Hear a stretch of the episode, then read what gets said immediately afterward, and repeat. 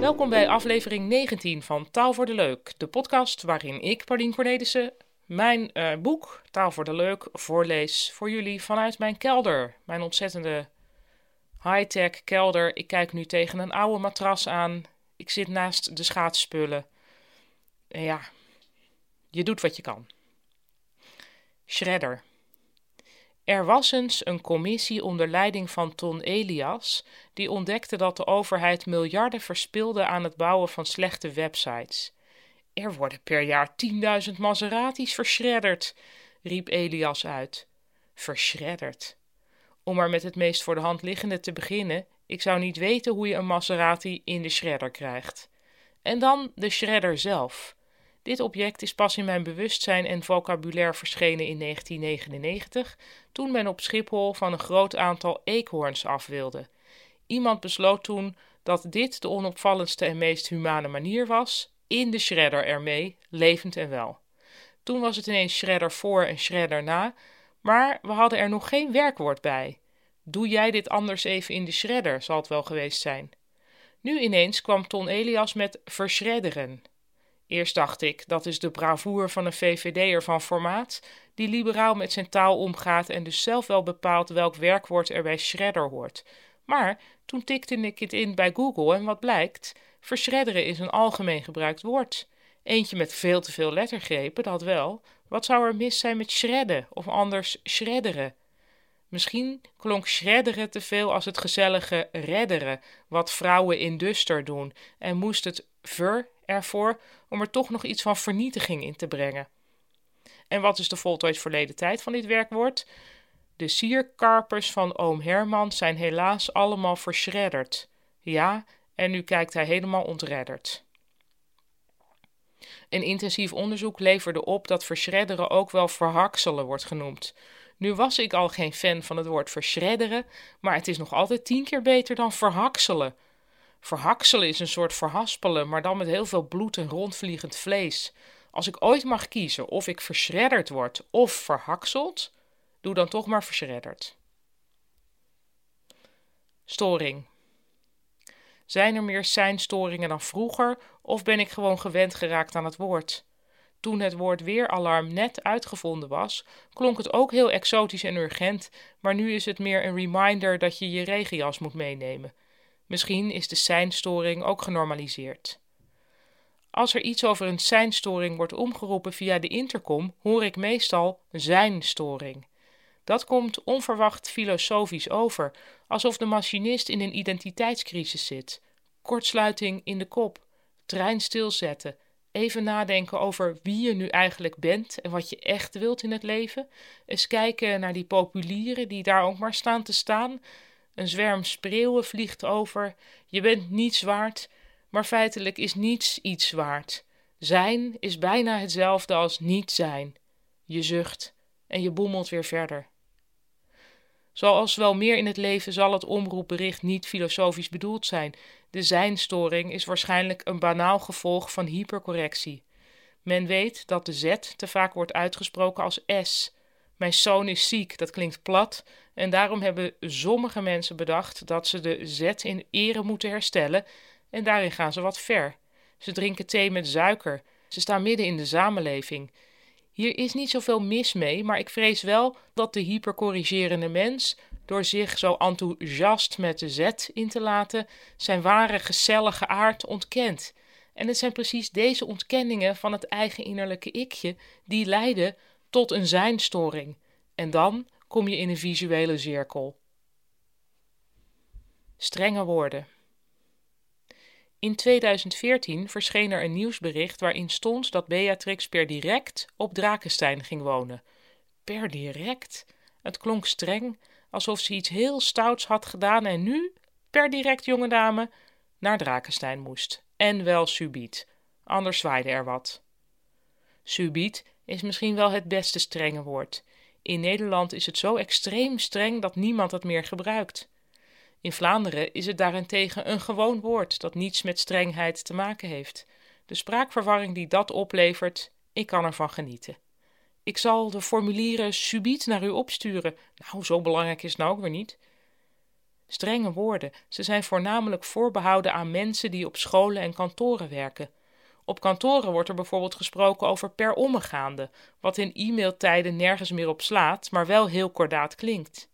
Net als in de hoop u hiermee voldoende geïnformeerd te hebben. Het zal wel een nuttige zin zijn, maar voor mij klinkt er een behoorlijke vrevel in door. U had dit al lang moeten weten, maar ik heb het nog maar weer eens opgeschreven en misschien bent u dan eindelijk wel voldoende geïnformeerd. Op scholen heerst meer meligheid in de strengheid. Dat moet ook wel, want hoe kun je anders overleven met acht uur per dag een kudde pubers om je heen? Dus dan gaan leraren dingen zeggen als: Zo, jij hebt zeker zin in een reisje naar de rector? Ik denk dat het minstens twintig jaar geleden is geweest dat iemand en wel nu tegen me zei. Hetzelfde geldt voor rechtsomkeerd. Ergens ook wel weer jammer. Ik herinner me een leraar die blijkbaar zo aan het eind van zijn Latijn was dat hij een leerling toebeet en haal die smoel van je grijns af. De oudste. Soms is er ineens een week in je leven waarbij het lijkt alsof er van hogerhand een bepaald thema is opgelegd. Wie dat doet of waarom is onduidelijk, maar alles gaat ineens over hetzelfde. Het begon voor mij in een kringloopwinkel in Groningen. Daar zag ik een boek getiteld Omgaan met bejaarden. Het stamde uit de tijd dat bejaarden nog bejaarden heten en niet senioren of iets anders positiefs. Er stond een treurige schets op van inderdaad een bejaarde en de algehele uitstraling van het boek was ellende. In dezelfde week dat ik dit boek ontdekte, bereikte mij het nieuws dat de oudste man ter wereld was overleden. Dat kan vanuit filosofisch oogpunt niet, want de oudste man ter wereld leeft gewoon. De titel is alleen overgegaan op een nieuwe oudste man. De zojuist overleden oudste man du jour leefde in Spanje, had een olijfboomgaartje en dronk elke dag een glas rode wijn. Dit soort details kom je bij elke nieuwe oudste mens tegen. Soms lijkt het alsof oude mensen worden gebruikt om een of andere levensstijl te promoten. Zie je wel, een wijntje, niks mis mee. Of zie je wel, gewoon stoppen met die kantoorbaan en een olijfboomgaard beginnen terwijl er, neem ik aan, genoeg wijndrinkende olijfboeren voor hun vijftigste dood neervallen. Een paar oudste mannen geleden was er eentje die nog op de valreep een oorkonde had gekregen van het Guinness Book of Records. Dat is toch wel een wrange prijs om te krijgen.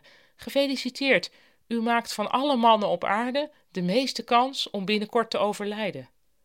Het lijkt me een moeilijke baan, het uitdelen van die oorkondes. Ik hoop maar dat er binnen Guinness een soort roulatiesysteem is.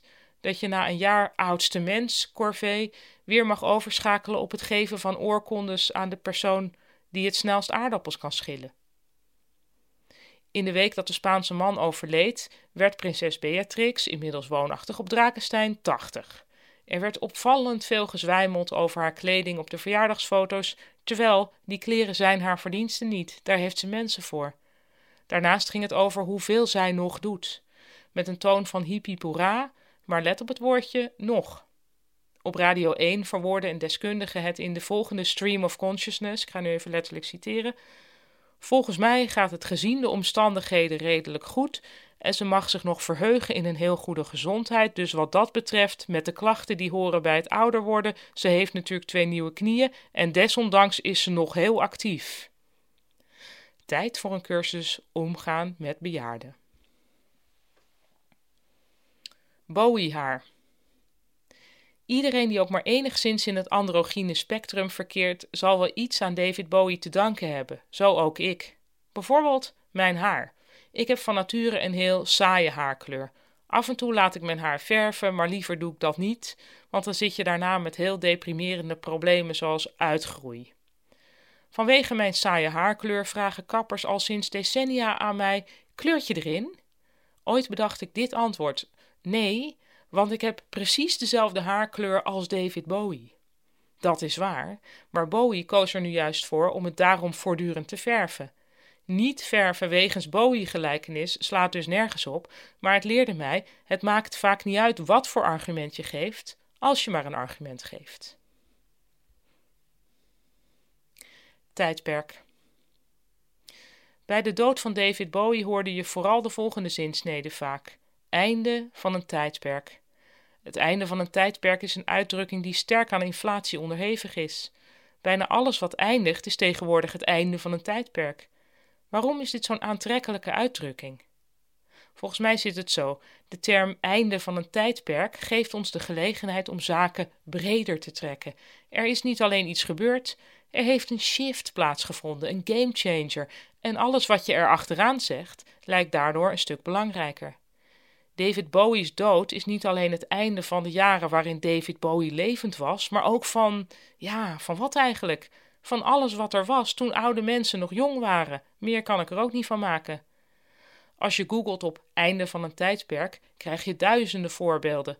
De sluiting van Dierenpark Emmen, een slecht presterende voetbalploeg, de bierdouche op Noorderslag.